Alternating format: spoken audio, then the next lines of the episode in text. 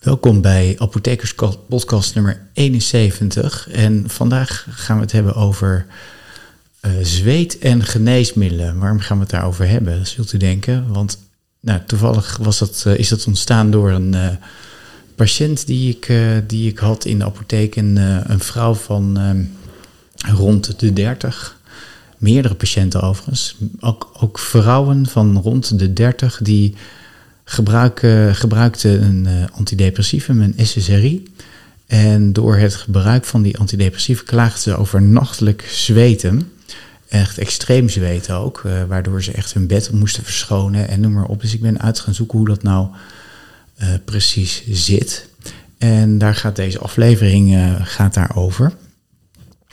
eigenlijk is het denk ik belangrijk om te weten wat dan de functies van zweet zijn. Want dat is natuurlijk eh, heel belangrijk. we gaan allemaal zweten. En, en de functie van zweet is, nou ja, u weet dat denk ik wel als u gaat sporten, is ja, afkoeling en het in stand houden van de lichaamstemperatuur. Met name als het lichaam te warm wordt. Dus als er eigenlijk een, noemen ze een verhoogde metabole activiteit is.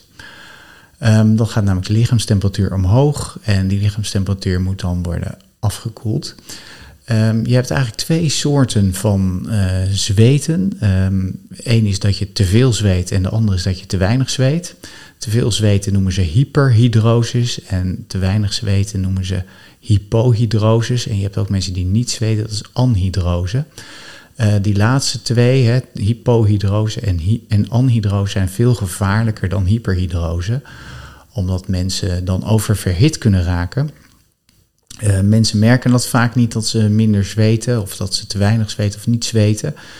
En dat kan gepaard gaan met uh, een verhoogde lichaamstemperatuur, dat noemen ze hyperthermie, uh, hittestress, hittestroke. Um, en nou ja, door die verhoogde lichaamstemperatuur wordt de celfunctie van het lichaam minder. En, en dat geeft een verhoogde kans ook op sterfte. Um, symptomen die je vaak dan ziet zijn duizeligheid, uh, flushing, dus dat je heel erg gaat blozen. Um, verwarring, uitputting, uh, problemen met ademhalen, dus dyspneu noemen ze dat. Um, nou, en welke patiënten zijn nou het risico voor de hypohydrose? Dat zijn vooral ouderen. En ouderen gebruiken ook vaak risicovolle geneesmiddelen, daar gaan we het zo nog uitgebreid over hebben. En uh, kinderen. kinderen. Bij kinderen is er het gedeelte in de hersenen wat zorgt voor de warmteregulatie, het thermoregulatiecentrum, dat functioneert daar nog niet zo goed. Dus die hebben wat sneller dat ze daar uh, problemen mee krijgen. Nou, dan gaan we nog even kijken naar te veel uh, zweet, dus hyperhidrosis. Dat is, uh, komt voor in ongeveer 2,8% van de bevolking. En er is een gedeelte wat veroorzaakt wordt door geneesmiddelen. Ook daar gaan we het zo over hebben. Maar het is onduidelijk hoe groot dat percentage is van de geneesmiddelen die, uh, die de oorzaak zijn van dat hyperhidrose. Nou ja, door uh, die verhoogde lichaamstemperatuur, zoals, uh, zoals ik net al zei, wat, wat normaal gesproken dan gebeurt, is dat je je, je sympathisch zenuwstelsel, dat is het zenuwstelsel wat eigenlijk geactiveerd wordt op het moment dat jij zelf actief bent. Als je gaat sporten, dan gaat je hartslag omhoog. En dan ga je ook zweten en dat komt door het sympathisch zenuwstelsel. Het sympathisch zenuwstelsel zorgt voor vaatverwijding, voor een versnelde ademhaling, versnelde hartslag, maar ook voor zweten. En dat zweet dat komt dan op je huid en dat verdampt en dat verdampen kost energie en daarmee daalt je lichaamstemperatuur. Dus dat geeft afkoeling. Nou, wie zijn nou die hoofdrolspelers in, eigenlijk in, de, in het zweten? Nou, daar zijn eigenlijk een aantal, uh, een aantal dingen, die, een aantal punten in het lichaam die van belang zijn. Uh, de, ene, de, eerste gedeelte dat zit in de hersenen, dat is, zit in de hypothalamus. Dat is een, een, daar zit het thermoregulatiecentrum. Dus dat is het centrum van de hersenen wat de lichaamstemperatuur reguleert. En de lichaamstemperatuur heeft een circadiaan ritme. Uh, en dat is het sterkst onderdrukt, zeg maar, uh, om twee uur s'nachts. Dus dan heb je het minste kans dat je gaat zweten. Nou, van die hypothalamus uit komen allerlei zenuwuiteinden. En die lopen onder andere door het ruggenmerg, door de intermediolaterale column. Nou, mag u vergeten, maar dat zijn in ieder geval zenuwen die gaan naar beneden vanuit de hersenen. En daar komen ze in de grensstreng terecht. De grensstreng is een, een, een, een uh, ja, eigenlijk een, een streng van zenuwknooppunten die langs de, uh, de rugwervel lopen. En die zijn, vaak, die zijn eigenlijk sympathisch van, uh, van aard. Dat betekent dat ze door adrenaline, uh, dat ze adrenaline hun, hun, stimuleert. Um, nou, die, die, die, die, die, die, die um, zenuwuiteinden van, de in, van die intermediolaterale kolom, die eindigen dan in die grensstreng. En vanuit die grensstreng gaan sympathische zenuwstelsels, uh, zenuwuiteinden, sorry, die gaan naar verder en die eindigen dan onder de huid. Uh, en daar zitten de zweetklieren. We hebben ongeveer 2 tot 5 miljoen zweetklieren. En voor die zweetklieren, daar, daar zitten op verschillende plekken van ons lichaam zitten ook verschillende hoeveelheden zweetklieren. Uh, onder de voeten bijvoorbeeld zitten er 600 tot 700 per vierkante centimeter, maar op je rug maar 60. En de dijen bijvoorbeeld hebben 120 uh, zweetklieren per vierkante centimeter. Belangrijk is, en dat is heel raar eigenlijk, hè, dat het, zijn, het zijn um, sympathische zenuwstelsels. En het sympathische zenuwstelsel is eigenlijk dat het zweet produceert. Alleen de neurotransmitter, dus de, de, de, neurotransmitter, de, de stof die eigenlijk zorgt voor het zweten, dat is acetylcholine. En dat is heel raar, want eigenlijk verwacht je dat dat noradrenaline is. Maar die zenuwuiteinden worden dus door noradrenaline, dus het sympathische zenuwstelsel, geactiveerd. En aan het einde van die zenuwuiteinden komt acetylcholine vrij. En acetylcholine gaat dan op de muscarine receptor, de muscarine 3 receptor zitten. En zorgt dan voor uh, calciuminstroom. En door die calciuminstroom krijg je kalium en chloride-ionen en vloeistof die worden uitgescheiden door die zweetklier. En ook een heel belangrijke speler daarin is het koolzuuranhydrase 2. Dat is een belangrijke uh, enzym wat nodig is voor de zweetproductie. Nou, naast die, die postganglionaire, dus die zenuwuiteinden die uit dat ganglion komen, uit die, uit die grensstreng, heb je nog mestcellen die van belang zijn. Uh, die uh, ook kunnen zweten als die mestcellen degranuleren. Dus als ze, dat zijn, zijn mestcellen zijn een soort cellen met allemaal ja, zeg maar blaasjes met histamine daarin. En als, als die mestcellen degranuleren, dan gaan ze al die blaasjes storten ze uit in, de, in, in dat gedeelte bij die zweetklier. En ook dan krijg je bijvoorbeeld vaatverwijding en, en, en, en dan krijg je ook een soort ontstekingsreactie soms, maar ook heel veel. Uh, nou, je gaat daar ook voor zweten en blozen, zeg maar. Nou, dat zijn dat over de hoofdrolspelers. Dus er zijn een aantal uh, belangrijke hoofdrolspelers. Dat het centraal zenuwstelsel en koolzuuranhydrase en acetylcholine. Dat is natuurlijk heel belangrijk. En die histamine bij die mestcellen. Dus je kan je voorstellen dat geneesmiddelen die iets doen in het centraal zenuwstelsel, dat die iets kunnen doen op zweten. Maar ook geneesmiddelen die uh, bijvoorbeeld iets doen met die mestcellen, of die iets doen met koolzuuranhydrase, of die iets doen met acetylcholine. Nou, dat zijn er een hele hoop. En um, nou, we gaan eigenlijk kijken nu naar geneesmiddelen die hyperhidrose veroorzaken en geneesmiddelen die hypohydrose veroorzaken. Dat hypohydrose is dus veel gevaarlijker. In dit geval gaan we kijken naar, beginnen we met de hyperhidrose. Uh, dus overmatig zweten. En daar zijn een aantal geneesmiddelen die dat doen. Dat zijn onder andere de antidepressiva. Wat noemde ik net al bij die eerste mevrouw waar ik het net over had, die die een SSRI kreeg, hè, een selectief, serotonine reuptake inhibitor. Uh, die had last van nachtelijk zweten, maar ernstig nachtelijk zweten. Uh, nou, die serotonine heropnameremmers die werken in het centraal zenuwstelsel. Dus die, je kan je voorstellen dat die iets doen op het thermoregulatiecentrum bijvoorbeeld. Nou, ongeveer 10% van die mensen die zo'n SSRI gebruikt, heeft last van nachtelijk zweten. En er zit ook, en dat is wel goed om te weten, er zitten wat verschillen in de SSRI's, of eigenlijk de antidepressiva die onder de SSRI's vallen. Um, en nou, je hebt toch wel subklassen, maar ik, ik noem ze even allemaal SSRI's. Uh, die erger zweet veroorzaken en die veel minder erg zweet uh, veroorzaken. En de ergste die dat doet, dat is bupropion. En de tweede is venlafaxine. Dan heb je een aantal SSRI's die zeg maar gemiddeld, die, die middelmatig vaak uh, overmatig zweten veroorzaken. Dat zijn paroxetine, fluoxetine, sertraline en escitalopram. En dan heb je een groep die dat minder vaak doet, dat is trazodon en fluvoxamine.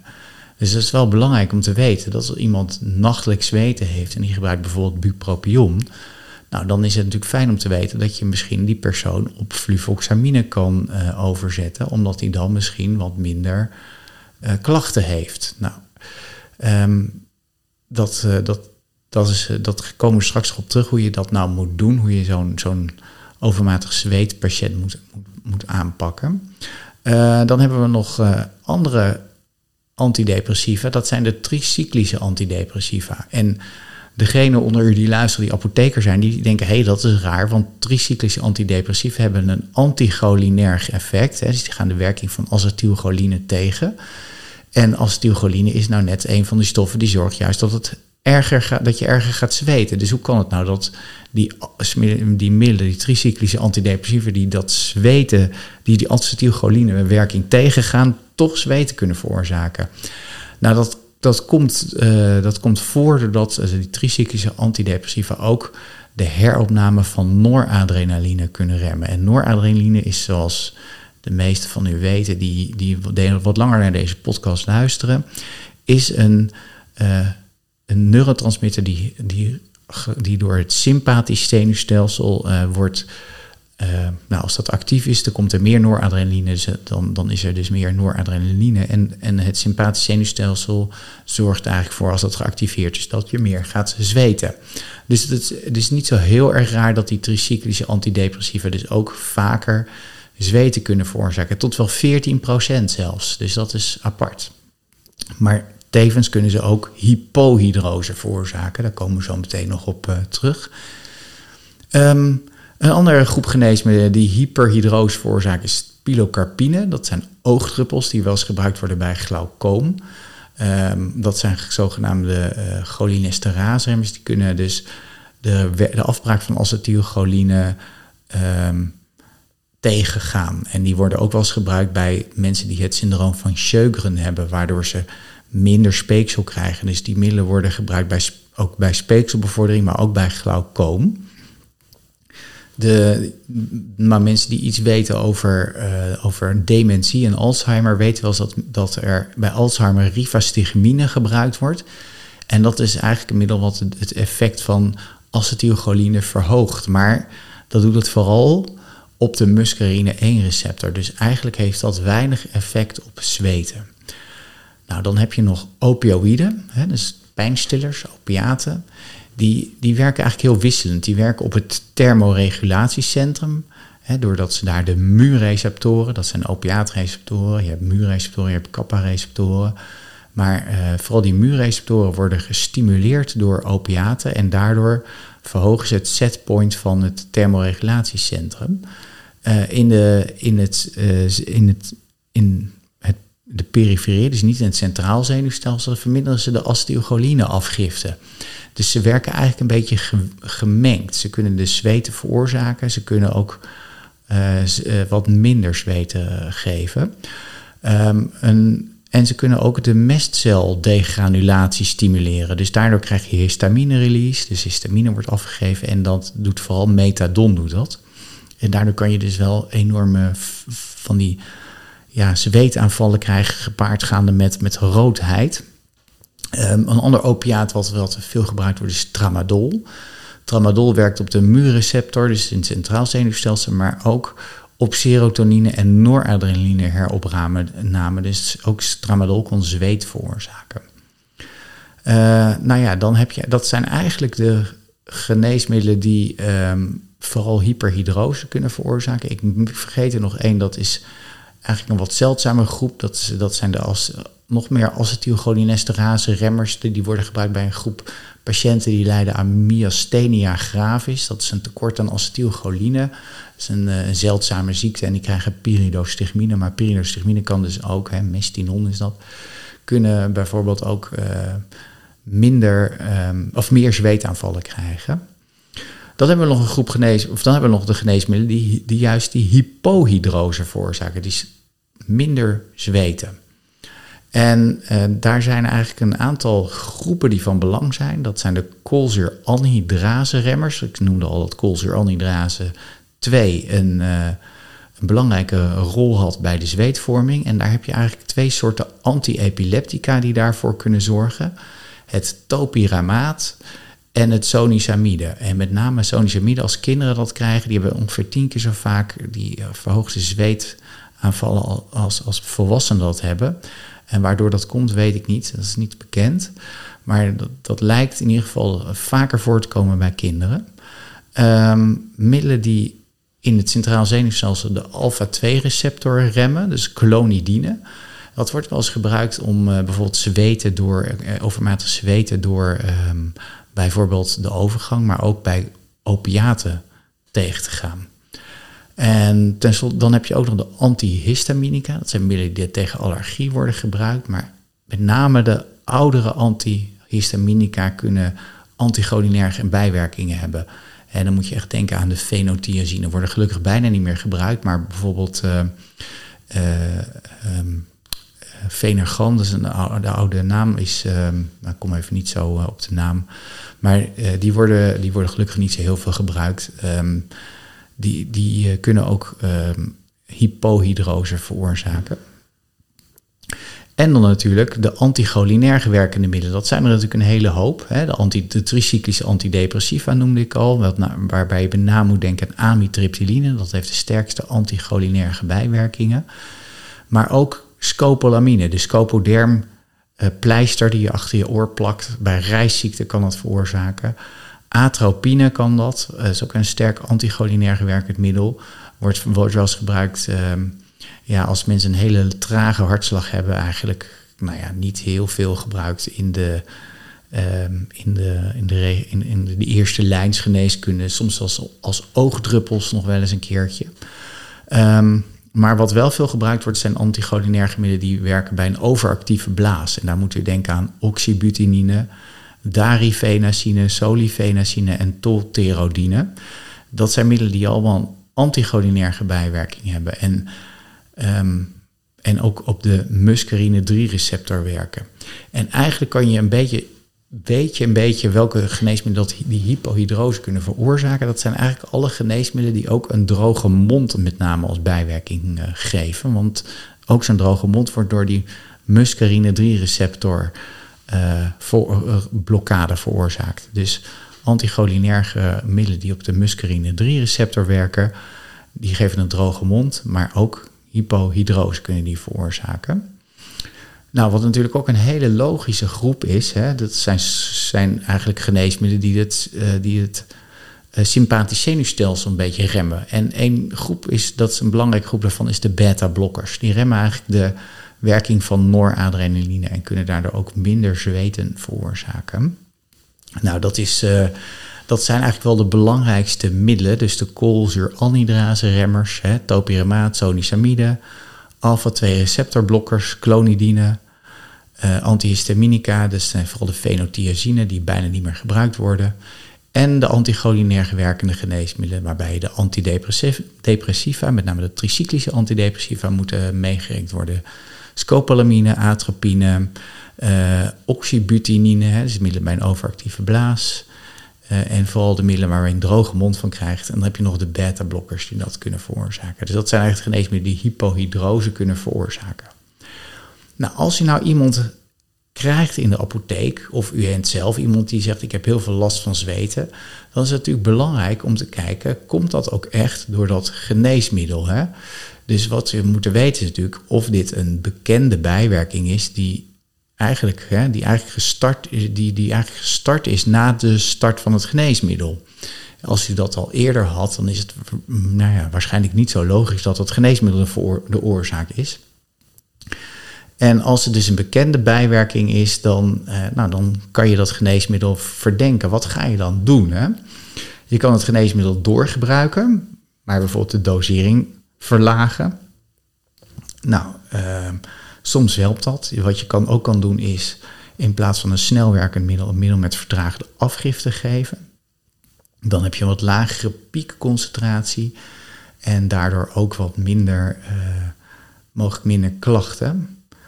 En uh, wat je ook kan doen, omdat dat, uh, dat, dat thermoregulatiecentrum natuurlijk een, een, een circadiaan ritme voor, voor heeft, kan je het ook ehm, geven voor het slapen in plaats van s ochtends, omdat je dan s'avonds de minste kans hebt op het krijgen van zo'n zweetaanval. Um, dan heb je nog middelen die je kan geven om het zweten te verminderen. Dat zijn middelen die je op de huid smeert. Bijvoorbeeld uh, aluminiumchloride, hè, die zit ook vaak in, uh, in deodorants. Uh, dus dat kan je doen. en eventueel ehm, kijken naar uitlokkende factoren. Hè. Dus ehm, bijvoorbeeld angst voor dat zweten kan je behandelen. Um, nou, de, de blootstelling aan hitte natuurlijk als mensen wollen truien gaan dragen die heel warm zijn en waarvan je meer gaat zweten, is dat natuurlijk niet zo'n goed idee. Dus je kan wat luchtiger kleding, maar is eigenlijk heel, heel vanzelfsprekend. Nou ja, als je dan besluit om het geneesmiddel niet door te laten gaan, maar te stoppen, dan kan je overgaan naar geneesmiddel van een andere klasse. En soms wordt ook wel eens een geneesmiddel toegevoegd. Hè? Bijvoorbeeld bij uh, opioïden uh, wordt dat soms clonidine toegevoegd. En wat doen we dan bij een patiënt die met name hypohydrose gebruikt? Nou, daar is zijn een aantal uh, dingen die lastig zijn. En je moet dat heel goed uitvragen.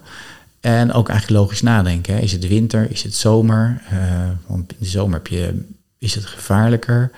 Uh, is het ook weer een bekende bijwerking van het geneesmiddel? Uh, en heeft die patiënt ook inderdaad die symptomen van hitteintolerantie, hè, duizeligheid, het, dat, flushing, die uitputting, verwarring.